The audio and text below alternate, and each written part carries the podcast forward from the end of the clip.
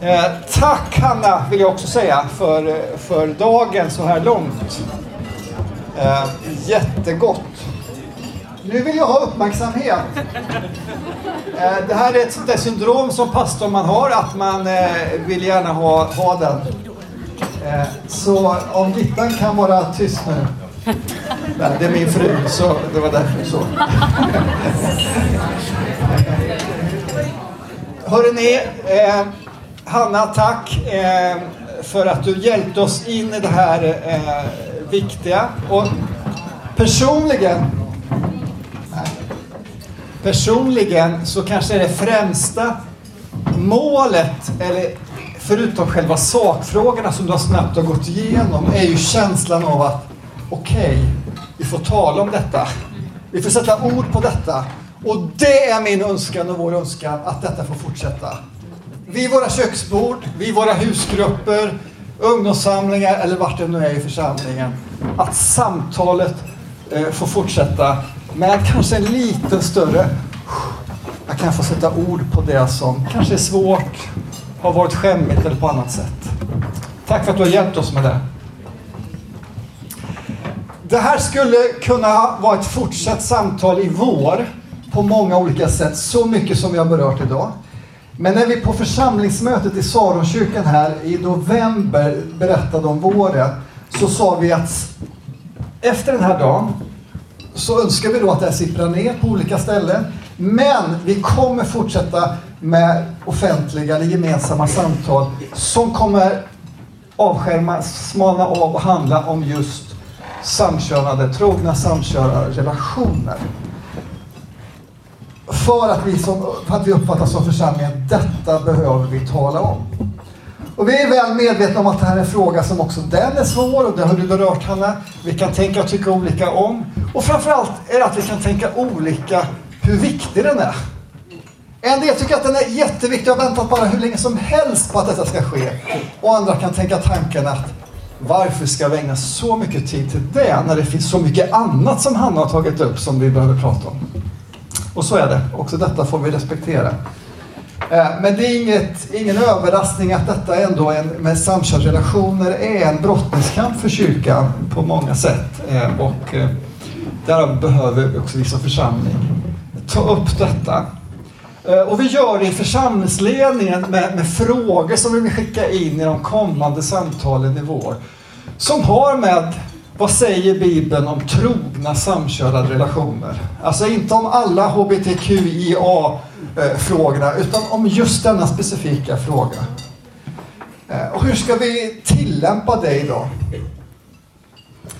Och det är ingen överraskning att vi tänker och tror och är övertygade om olika saker här. Och vi förväntar oss inte efter våren att alla ska ha en gemensam övertygelse. Så vi vet ju redan nu att frågan kommer finnas hur ska vi leva med olika övertygelser? Hur ska vi göra det som församling kring olika frågor? Det kan vara en sån fråga som du snabbt berörde om ledarskap.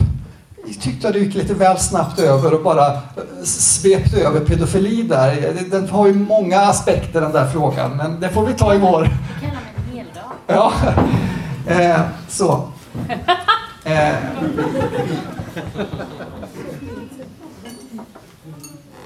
Och sen är också frågan hur människor som, som, eh, vi, eh, människor som är homosexuella som vill leva i samkönade relationer, hur stöttar vi det som församling? Med att ha olika övertygelser i församlingen. Hur stödjer vi? På vilket sätt vill vi göra det? Eh, det är också jätteviktiga men också svåra frågor att ta med sig in i detta samtal i vår nu låter det som att vi börjar från scratch som församling, men det gör vi verkligen inte. Eh, utan församlingen har ju pratat om detta tidigare för kanske det var 10-12 år sedan. Eh, sen kanske det har varit ganska många år där det har varit ganska tyst och sådär. Men det har funnits beslut och övertygelser som formades då som ändå har funnits med de här åren. Och därför känner vi att det är viktigt att tydliggöra vad är det som faktiskt har gällt eller tänkts och värderats så här långt de senaste tio åren innan vi går in i ett samtal för våren. Eh, kring detta. Och detta har vi gett Mårten i uppgift att berätta om nu. Lite grann. Vad har format och hur har det sett ut? Yes, så välkommen Mårten att dela detta med oss. Tack. Ehm, jag är också med i församlingsledningen, som Agneta. Ja, medan ni går tillbaka nu här så kan jag passa på att säga några ord som eh, eh, visserligen har substans, men som, som mer är känslouttryck, tror jag, från min sida, innan jag går in på den här historiken. Jag vill bara säga hur glad jag blir som församlingsledare över att se så många här. Eh, jätte, jätteroligt och en väldigt spännande process som vi har framför oss i vår. Eh, en process som Daniel nämnde, många har längtat efter och vissa undrar vad ska vi med det här till? Men, eh, men det känns väldigt eh, spännande att gå in i det här tillsammans med er.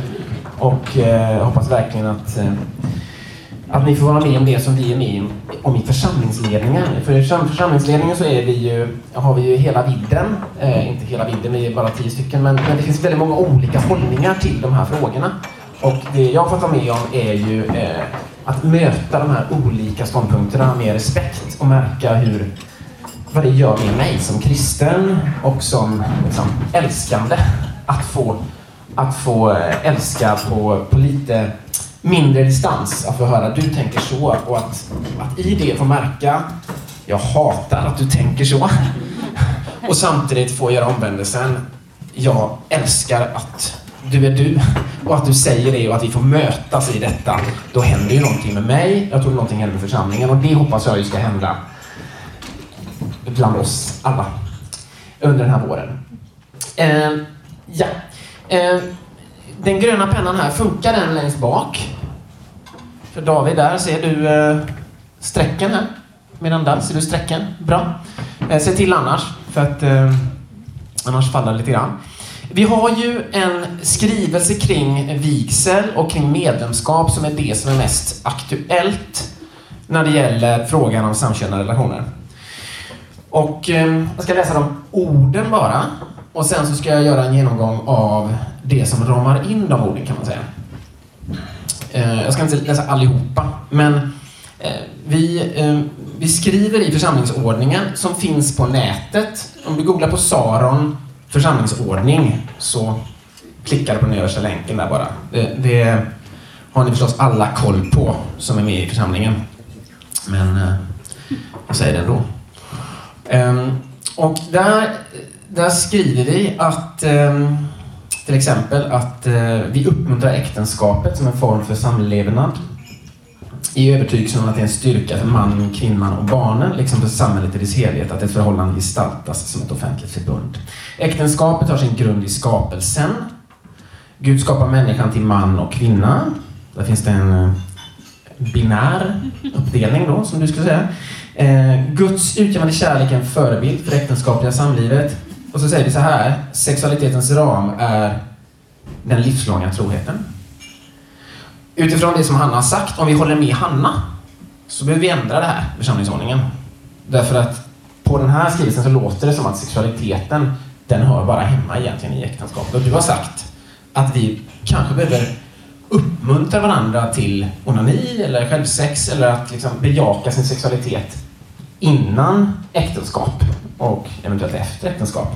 Eh, vilket vi ju inte stödjer så att säga, med den här skrivelsen, utan tvärtom så drar vi ju väldigt tydliga gränser för det. Men det är en fråga för, för oss tillsammans som församling. Och sen skriver vi församlingspastorer förrättar vigsel mellan man och kvinna. Punkt. Och sen under medlemskap så skriver vi, bland annat, där skriver vi jättemycket, Eh, där skriver vi det som då blev eh, väldigt radikalt för 12 år sedan någonting.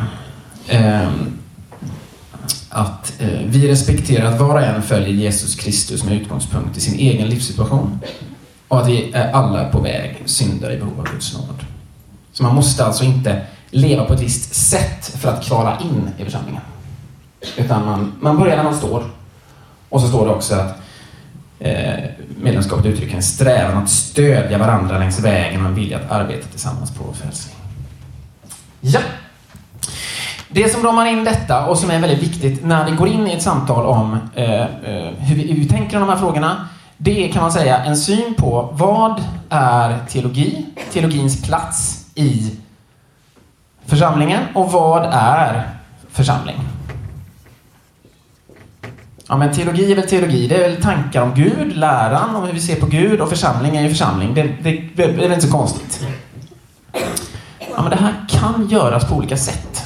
Och det var det vi satte ord på när, när vi skapade den här första versionen av den här församlingsordningen. Ehm, att, att det kan verkligen skilja sig åt. Beroende på om man som församling är orienterad mot en gräns eller ett centrum. Och om man församling jobbar med tydlighet i olika frågor eller om man jobbar med otydlighet.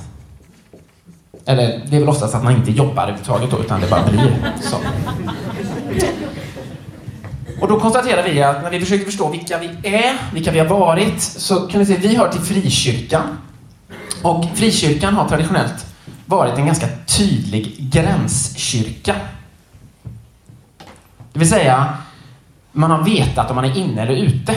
Precis det som Hanna sa om det judiska folket, så, så, så fanns det de som var med i frikyrkan på den tiden, det finns några här i rummet, eh, då eh, visste man om man var inne eller ute. Man visste vad man skulle göra och vad man inte skulle göra för att vara kvar inne. Om det var så att man råkade gå utanför den här gränsen så blev det väldigt tydligt.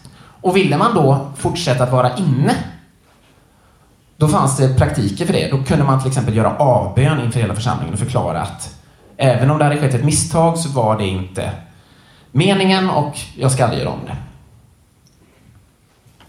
Så inom gränsen här så kan man säga, här gjordes teologi, här gjordes påståenden om vem Gud är, hur vi ska leva våra liv och ibland, i varje fall i efterskott, när vi tittar tillbaka på detta, så verkar det som att man la ganska mycket krut på just vad som var vid gränsen här. Hur kvinnor ska klä sig till exempel. Det kunde vara väldigt tydligt och särskiljande. Eh, och, och andra sådana frågor. Här fanns det förstås också liksom, treenigheten. Här fanns det ju Fadern, Sonen och Anden. Här fanns det väldigt många eh, oerhört centrala saker. Det fanns också de här sakerna som markerade gränsen väldigt tydligt. Det som hände sen, och det börjar säkert med 60-talet, det är svårt att veta sådana här saker, men, men troligtvis så hände någonting på 60-talet med den Liksom, explosion av liberalisering som sker i samhället så börjar de här gränserna bli mindre eh, och mindre lätta att tala om. Ehm, man blev otydligare, men man fortsatte att vara en gemenskap som var en gränskyrka. Men det var otydligt precis var gränsen gick.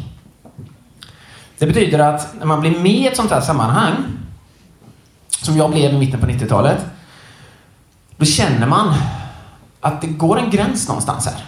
Någonting är acceptabelt, någonting är inte acceptabelt, men det är ingen som pratar om det. Och, och frågan är vad som skulle hända om man liksom ställer någon mot väggen sådär. Vad, vad kan jag göra när det gäller, gäller det här?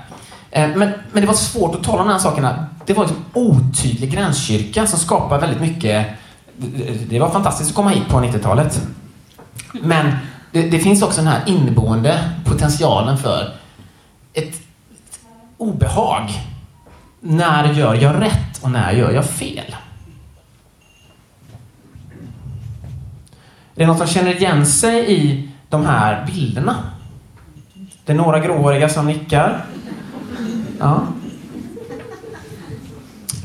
I den här miljön så blir det ju, det, det finns en trygghet i detta. Därför att du vet vad som gäller. Det är också så att du ställs inför val. Eh, det här ställs också inför val. Till exempel så vet jag många som jag har mött i mitt arbete med unga vuxna, eh, där man har känt att det är ett val mellan vetenskap eller kyrka. Så att här på den här gränsen så var också evolutionsteorin med. Evolutionsteorin var utanför och en viss tolkning av Första Mosebok 1 var innanför. Och, och då hamnar man ju i, ska jag vara, eller ska, ska jag vara med eller ska jag inte vara med? Det, det finns väldigt lite gråzoner här. Det finns lite liksom, sömsmån för diskussioner och sådär. Det blir svårare att samtala när det finns en tydlig gräns. Därför om du säger fel sak, då är du ju heretiker, då är du utanför. Men som sagt var, det finns fördelar med detta. Tittar man på många av de eh, liksom, spirituella formerna, säga, spirituella organisations... Eh, klosterordnar är sådana här. Det är högtrös, högtröskelorganisationer. Du får vänta innan du fullt är medlem och när du väl är medlem så är du, du är du med där. Då, är du, då har du avgett löften och det, det är väldigt tydligt att förhandla om någon sen vill lämna. Då är det liksom det går att säga när någon har lämnat eller inte. Jag är en, vad heter, vad heter det, avfallen nunna. Eller vad heter det? Av. Karen Armstrong, hon beskriver sig som att hon är ehm, men, men, det finns väldigt mycket gott i detta. Det finns en väldigt trygghet i detta, det finns en tydlighet i detta och eh, tittar man historiskt också så verkar det också vara en överlevnads, verkar vara en bra överlevnadsstrategi. Jag vet inte om någon av er har sett Stissel? Annars måste ni göra det på Netflix. Stissel handlar om eh, chassidiska judar i Jerusalem. Det är väldigt mycket en sån här... De vet exakt vad de ska göra, klä på sig och, och sådär. Och när de har eh, gått utanför. Ja. Eh, vart kan man då ta vägen om man upptäcker att man är här och det är inte ingen bra situation? Man är inte nöjd med det. Det var det som vi började diskutera i början av 00-talet. Det finns eh, lite olika varianter. Man kan gå hit till det som man skulle kunna kalla för en öppen kyrka. Det vill säga en kyrka där du är välkommen. Och om du ställer frågan, vad tror ni på i den här kyrkan? Då blir svaret, vad tror du? Jag riktar mig till Hanna för att hon är medlem i den kyrkan. Um, nej men, skämt åsido så... Nu är det min tur. Det är jag som har mikrofonen. Jag sätter diskursen. Du kan bara... Eh, nej, men man skulle kunna se på Svenska kyrkan och det är inte, eh, det är inte förtal, man får inte förtala, utan det är en medveten strategi från Svenska kyrkan att skapa det som kallas för folkkyrka. Som ska vara öppen. Du ska inte behöva gå omkring och känna dig syndabelagd. Eh, du ska inte behöva komma, när du kommer med ditt barn så ska det inte vara så att kvalificera ditt barn eller du för att vara med här och döpas i kyrkan. Utan det är du medlem här, då får du göra detta. Och till och med även om du inte är medlem. Det finns ett stort behov av en sån här kyrka i det svenska samhället, det ser man. I ett sekulärt samhälle så är det fantastiskt med den liksom, kontaktytan som Svenska kyrkan har eh, genom ett, man skulle kunna säga att man, man har verkligen brandat en tolerans och en öppenhet som gör att folk känner sig trygga med att till exempel söka sig till kyrkor om man har varit med om en katastrof. Man vet att det finns ingen som frågar efter partibok i dörren. Vänta lite nu här, jag har inte sett dig här förut. Utan kom. Vi har diakoner här som är professionella och som kan hjälpa dig och de frågar inte vad du tror på. Det är den öppna kyrkan. Eh, det finns något slags centrum, det är svårt att veta precis vad det är. Därför att det är en otydlig centrumkyrka.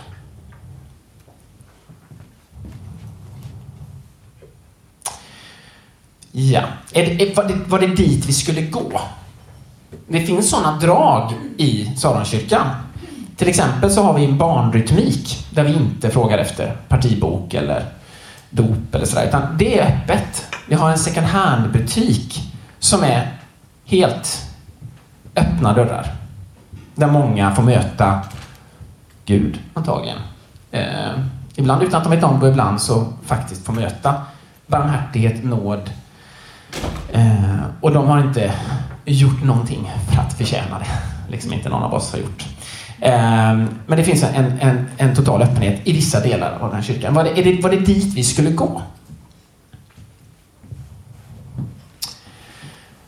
Nej, men det var det nog inte. Som ni förstår av det här upplägget. Utan det finns en ruta till här. Som vi skulle kunna kalla för den tydliga centrumorienterade kyrkan. I den kyrkan så orienterar man sig inte efter gränsen, utan efter centrum. Vad är centrum för något? Ja, centrum blir väldigt viktigt att definiera, för om man inte definierar centrum så blir man bara en öppen kyrka. En otydlig centrumkyrka. Utan här blir det viktigt att i så fall definiera vad är centrum? Hur definierar man centrum i kyrkan? Ja, men ett sätt är att tillsammans sätta sig ner och fundera på vad är det som definierar oss? Vad är vår tro och vad är vårt liv? Och så gör man tillsammans ett dokument om det. Församlingsordning blev det av det. Församlingsordning. Som heter Ett folk på väg. Så att den här ordningen, den är definierad så att den ska revideras åtminstone vart 50 år. Så ska man titta över den och se, stämmer det här med oss längre? Så det finns en dynamik inbyggd i detta centrum. Det är intressant. Det är också så att man har en gudstjänst.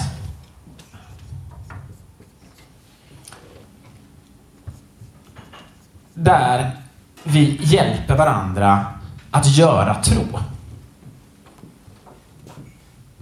Att möta Jesus på olika sätt. Och där görandet, praktikerna, är minst lika viktiga som läran. Gudstjänsten är ett sätt att leva sin tro, göra sin tro. Och där finns det, med tanke på den öppna nattvardsinbjudan vi har, så finns det liksom inget krav att delta i gudstjänsten. Återigen, inget krav på det här. Utan en förlitan på att när människor kommer med en riktning. Vet ni vad vi säger när vi bjuder in till nattvarden? Du som vill närma dig Jesus. Du som längtar efter Jesus. Du som har den riktningen. Kom, bordet är dukat. Så att det är någonting med att tillsammans vara på väg mot detta centrum.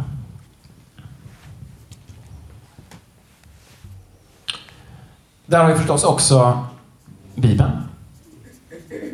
Som lyfts fram i församlingsordningen. Bibeln som vi läser varje gudstjänst. Och vad gör vi när vi läser Bibeln i gudstjänsten? När vi läser evangelietexterna? Vi står upp för att liksom göra detta centrum viktigt i våra liv så att det inte bara är centrum i gudstjänst, centrum i våra liv också. Så kan, kan vi göra detta, men inte då föra in den här gränsen. Inte börja definiera oss för vilka, vad är det vi inte ska göra eller vad vi inte ska tro. Går det att göra det? Ja, då, då måste man i så fall vara lite noga med hur man uttrycker sig. Till exempel så kan man uttrycka vad... Kan man uttrycka att eh, du kommer som du är. Och var du börjar här det spelar ingen roll. Du kommer som du är. Det, det är överhuvudtaget väldigt svårt att veta, så att säga. Vem är närmast och inte? Eh, Daniel, eh, han verkar vara absolut närmast. Speciellt ser att han har prästkrage på sig. Ja. Och så är det en fallande skala efter det. Församlingsledningen är ju väldigt bra till också. Eh, skämt åsido, eh, det är det som vi inte liksom, vi försöker säga att nej men, vi, vi, we're in this together. Försöker hjälpa varandra Eh, och med förtröstan på att, att, Jesus är i mitten och han drar oss till sig. Och så försöker vi trigga varandra så att vi ska komma närmare. Eh, hjälpa varandra och få förutsättningar till det. Det betyder också att när vi uttrycker oss kring vigsel här, då säger vi vad vi gör. Pastorerna viger man och kvinna. Det naturliga hade varit att säga vi viger inte X, Y och Z. Men det säger vi inte. Vi säger vad vi gör inte vad vi inte gör. Det är så här, vi försöker låta bli med den här gränsen.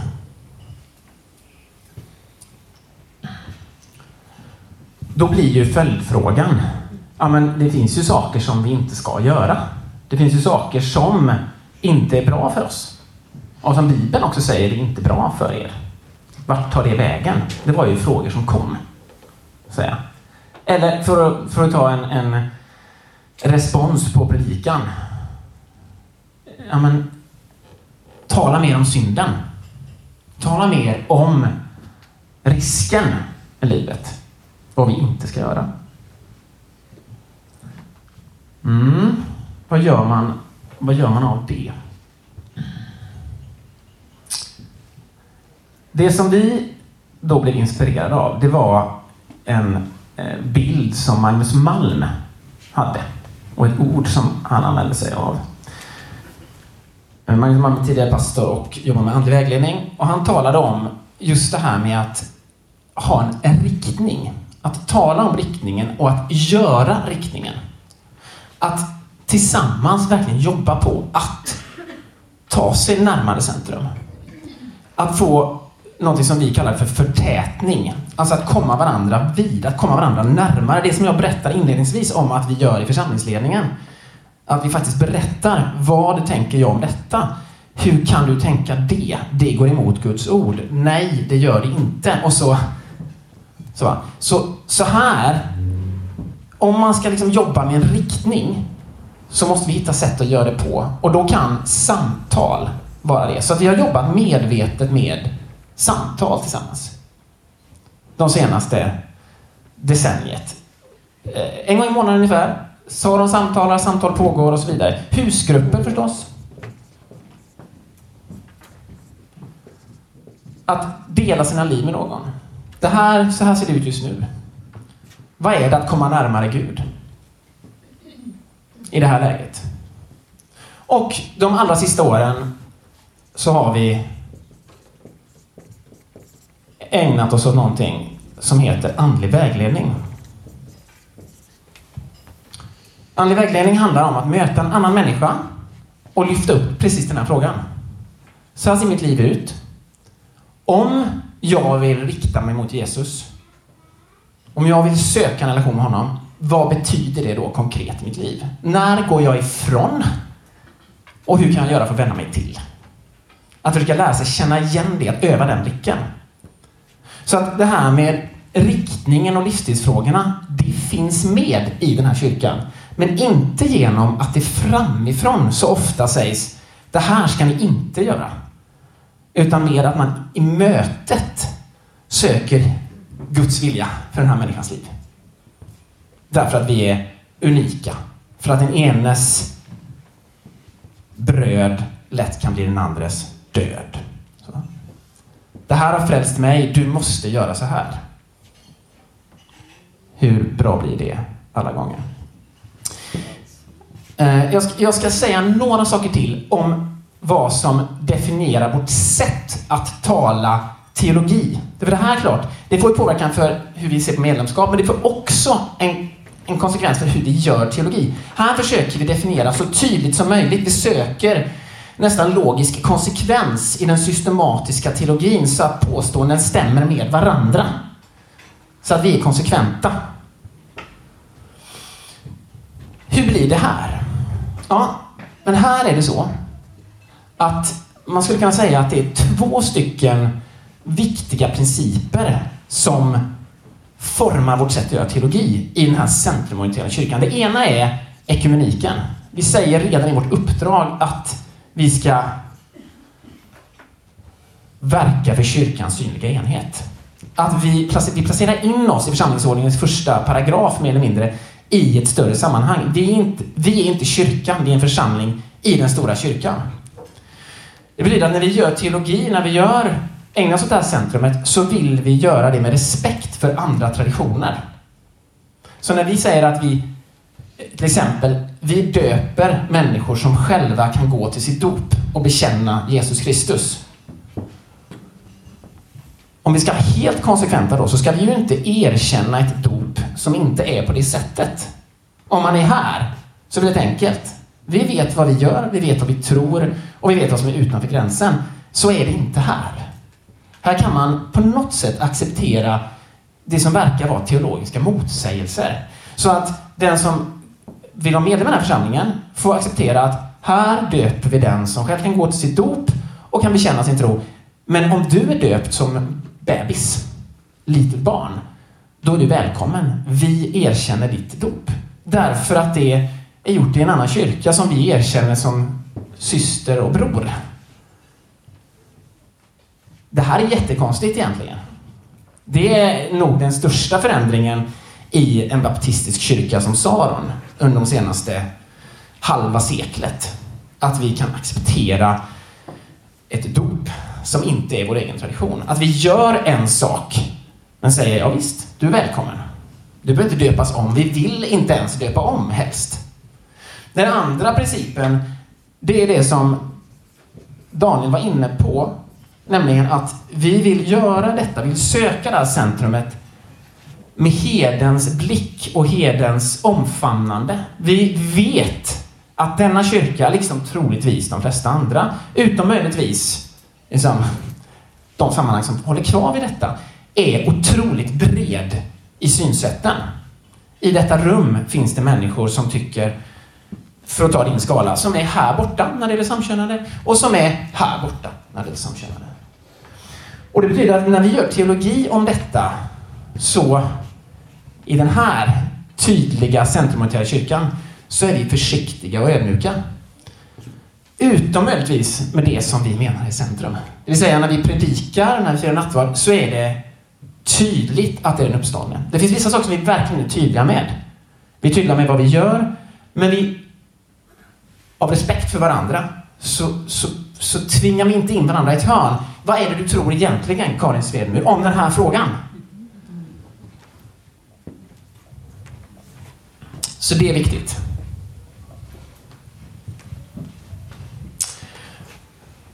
Ja. Ehm, jag tror jag har sagt det viktigaste. Daniel, vill du komplettera någonting? Eller är du upptagen med att tugga på någonting? Förlåt att jag, jag borde ha väntat. Nej, men jag tror det här var det viktigaste. Just, eh, det gör någonting med vårt sätt att, att göra teologi och se på varandra. Att vi, vi väljer det här sättet att göra. Så att det är därför skrivningarna blir som de blir. Det är därför vi säger vad vi är för, inte vad vi är emot. Det är därför vi accepterar skenbara motsägelser.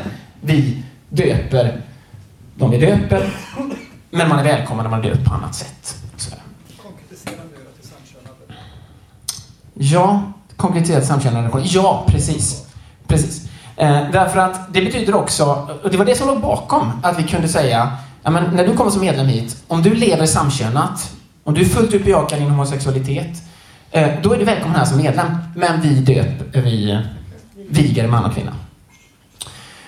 Och den dubbelheten, den den väckte väldigt mycket uppmärksamhet och det är den vi lever med. Men det som nu är läget, anledningen till att vi bjuder in till det här samtalet, det är att det fortfarande blir frågor kring ja, men vad är det vi egentligen tänker här om de här sakerna? Och den som är med här, som har kommit med i uppfattningen att men det här accepteras, accepteras det på riktigt?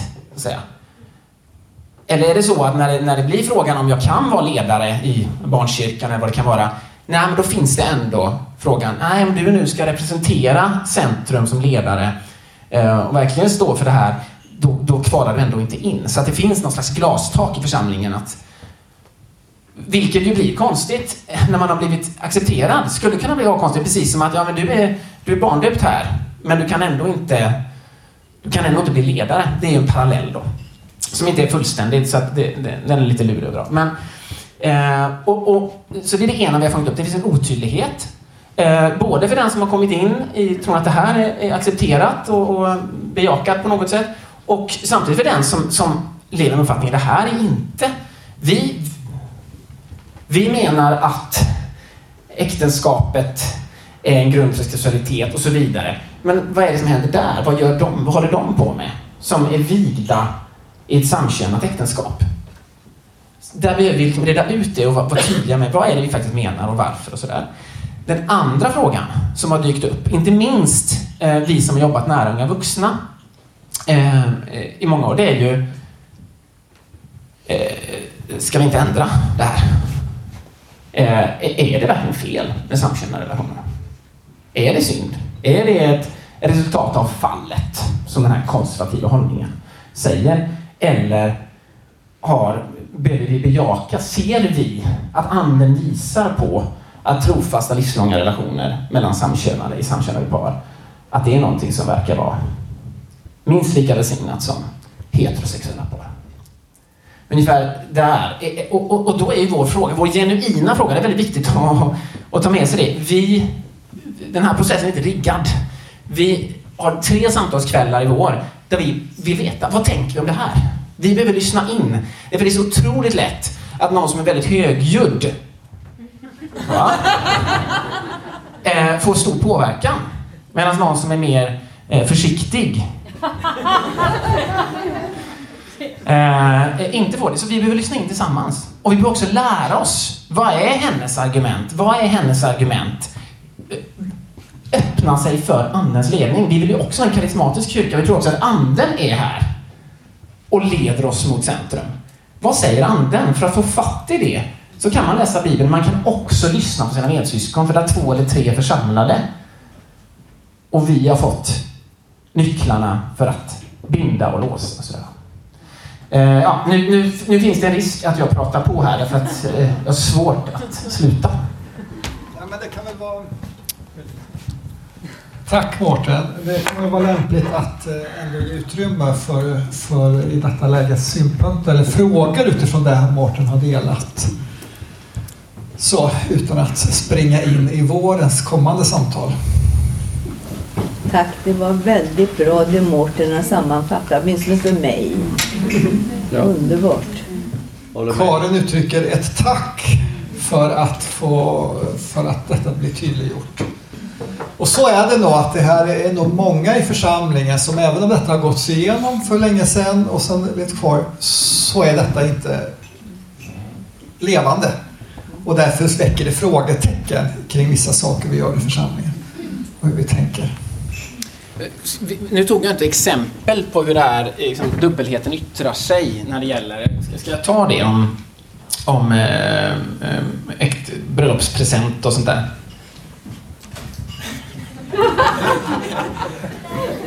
Ja, Går det att säga nej, det tar vi inte. nej, det, det, är inget konstigt alls, utan det, det Mårten vill ut efter att som församlingsledning, som har fått mandatet av församlingen att, att leda och utöva ledarskap, så står, ställs vi inför frågor utifrån den församlingsordning vi har. Vad ryms i detta? Eh, och då när, vi ha, när ett samkönat par gifte sig i, vigde sig i somras så stod vi inför frågan som församlingsledning. Eh, jag tror du var inne på det också. Gratulerar vi? Så. Och för några, är det ju totalt fullständigt självklart. Och för andra så växte frågetecken beroende på sin hållning att Nej, men kan jag gratulera detta? Är det samma sak som att välsigna? Är det samma sak som att jag står bakom? Och alla de frågorna. Och det är en sak att vi har det enskilt och olika, men hur gör vi som en gemensam församlingsledning i det? Eh, och det där var ett samtal vi fick ha där vi faktiskt inte var fullt ut överens men vi landade ändå i ett beslut av att vi gratulerar, uppvaktar, vi gläds åt i den bemärkelsen att vi gläds på deras vägnar över deras vigsel och deras äktenskap. Men naturligtvis fanns det frågor här och det finns ju fler den typen av frågor som vi också skulle behöva prata om och som församlingsledning så det ingår ju som, som Daniel säger att ibland så måste man fatta de här besluten längs med. Man kan inte kalla det en lång process eh, för då hade de redan varit eh, gifta sedan länge de här personerna. Så vi måste fatta att så är det, det är delegationen liksom. Eh, men det betyder inte att man måste vara nöjd med eh, den oklarhet som finns. Utan man, I det här fallet så söker vi ju, okej, okay, vad är? Eh, Johannes är på G, är det någon annan som Ja, jag bara undrar för att eh, jag heter Erika. Eh, vill du bara tydliggöra det här med ledarskap? Du hintar om att det finns ett glastak. Kan du berätta någonting om hur man har tolkat det som församlingsledning innan med homosexualitet och ledarskap? Tydligare.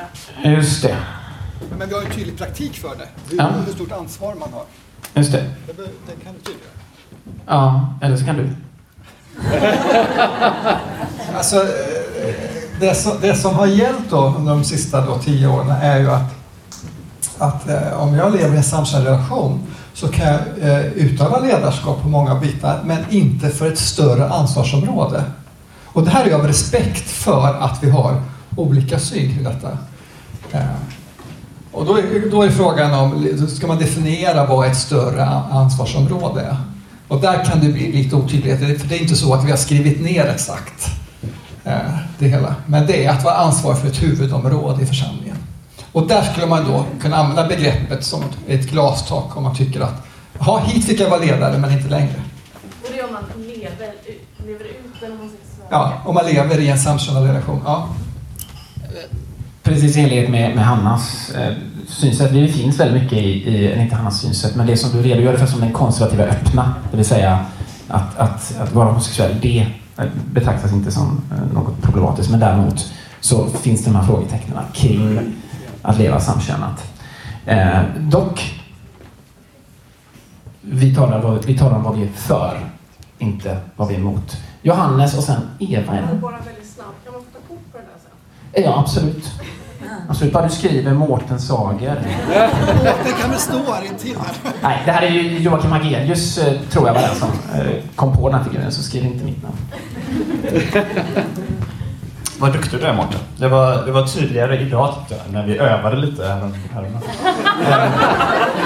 Eh, men jag har en fråga kring det här med centrum och riktning. För där är det ju vissa saker, du var ju lite inne på sådär Söker vi ett logiskt sammanhängande system sådär? Eh, nej, det gör vi inte riktigt säger du. Vi kan ha liksom A och inte A samtidigt lite grann så. Eh, men det finns ju också vissa saker som jag tänker på som vi inte tummar på. Uppståndelsen, eh, eh, korset, eh, treenigheten och sådär. Där, där får man liksom inte komma och säga att nej men Gud är inte treenig. Då, då skulle det vara ett... Det, det bejakar vi inte överhuvudtaget här. Så. Um, men, men då tänker jag mig så här, mer vad är liksom... Vem är det som avgör vilka frågor som är orubbliga centrumfrågor? Så, um, och, och har vi någon typ av sätt att förhålla oss till det? Eh, finns det andra saker? Ehm, kan man komma och säga att ja, jag, jag har en, eh, en, eh, vad ska man säga, en syn på fattigdomsbekämpning. Så, att jag tycker inte att det är viktigt exempelvis att, att uh, ta hand om de fattiga. Sådär. Som jag personligen skulle tänka att ah, men det är enormt viktigt, Bibeln är jättetydlig med det. Kan vi ha en A och inte A där? Bara som en liten kanske okänslig fråga. Så. Just det. Eh, jag tänker mig, on the, top of, on the top of my head, så tänker man att det finns tre stycken instanser för att avgöra, och tre praktiker för att avgöra vad är centrum. Eh, det ena är församlingsledningen, det andra är förkunnelsen och det tredje är församlingsordningen. Så eh, eh församlingsledningen är satt att fundera igenom detta. Att, att eh, liksom, eh, vad kan vi göra och inte göra? Eh, där kan det komma upp frågor. Faktiskt, kan den här personen vara med i församlingen? Det, det kan komma upp där. Det är inte så att det är helt borta eh, ur. Det, det, är klart att det finns. Eh, eh det är också så att i förkunnelsen, det tycker jag är viktigt att skilja på. Det vill säga, eh, min tro är egentligen oväsentlig när jag förkunnar, till exempel. Eh, men däremot så är förkunnelsen inte oväsentlig. Och om jag förkunnar att Kristus inte har uppstått från de döda, eh, då är det problematiskt. Så där, där sitter väldigt mycket centrum, eh, liksom läromässigt.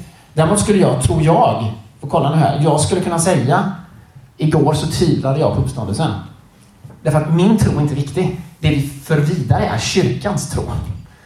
Ehm, igår så tvivlade jag på detta, men han har uppstått.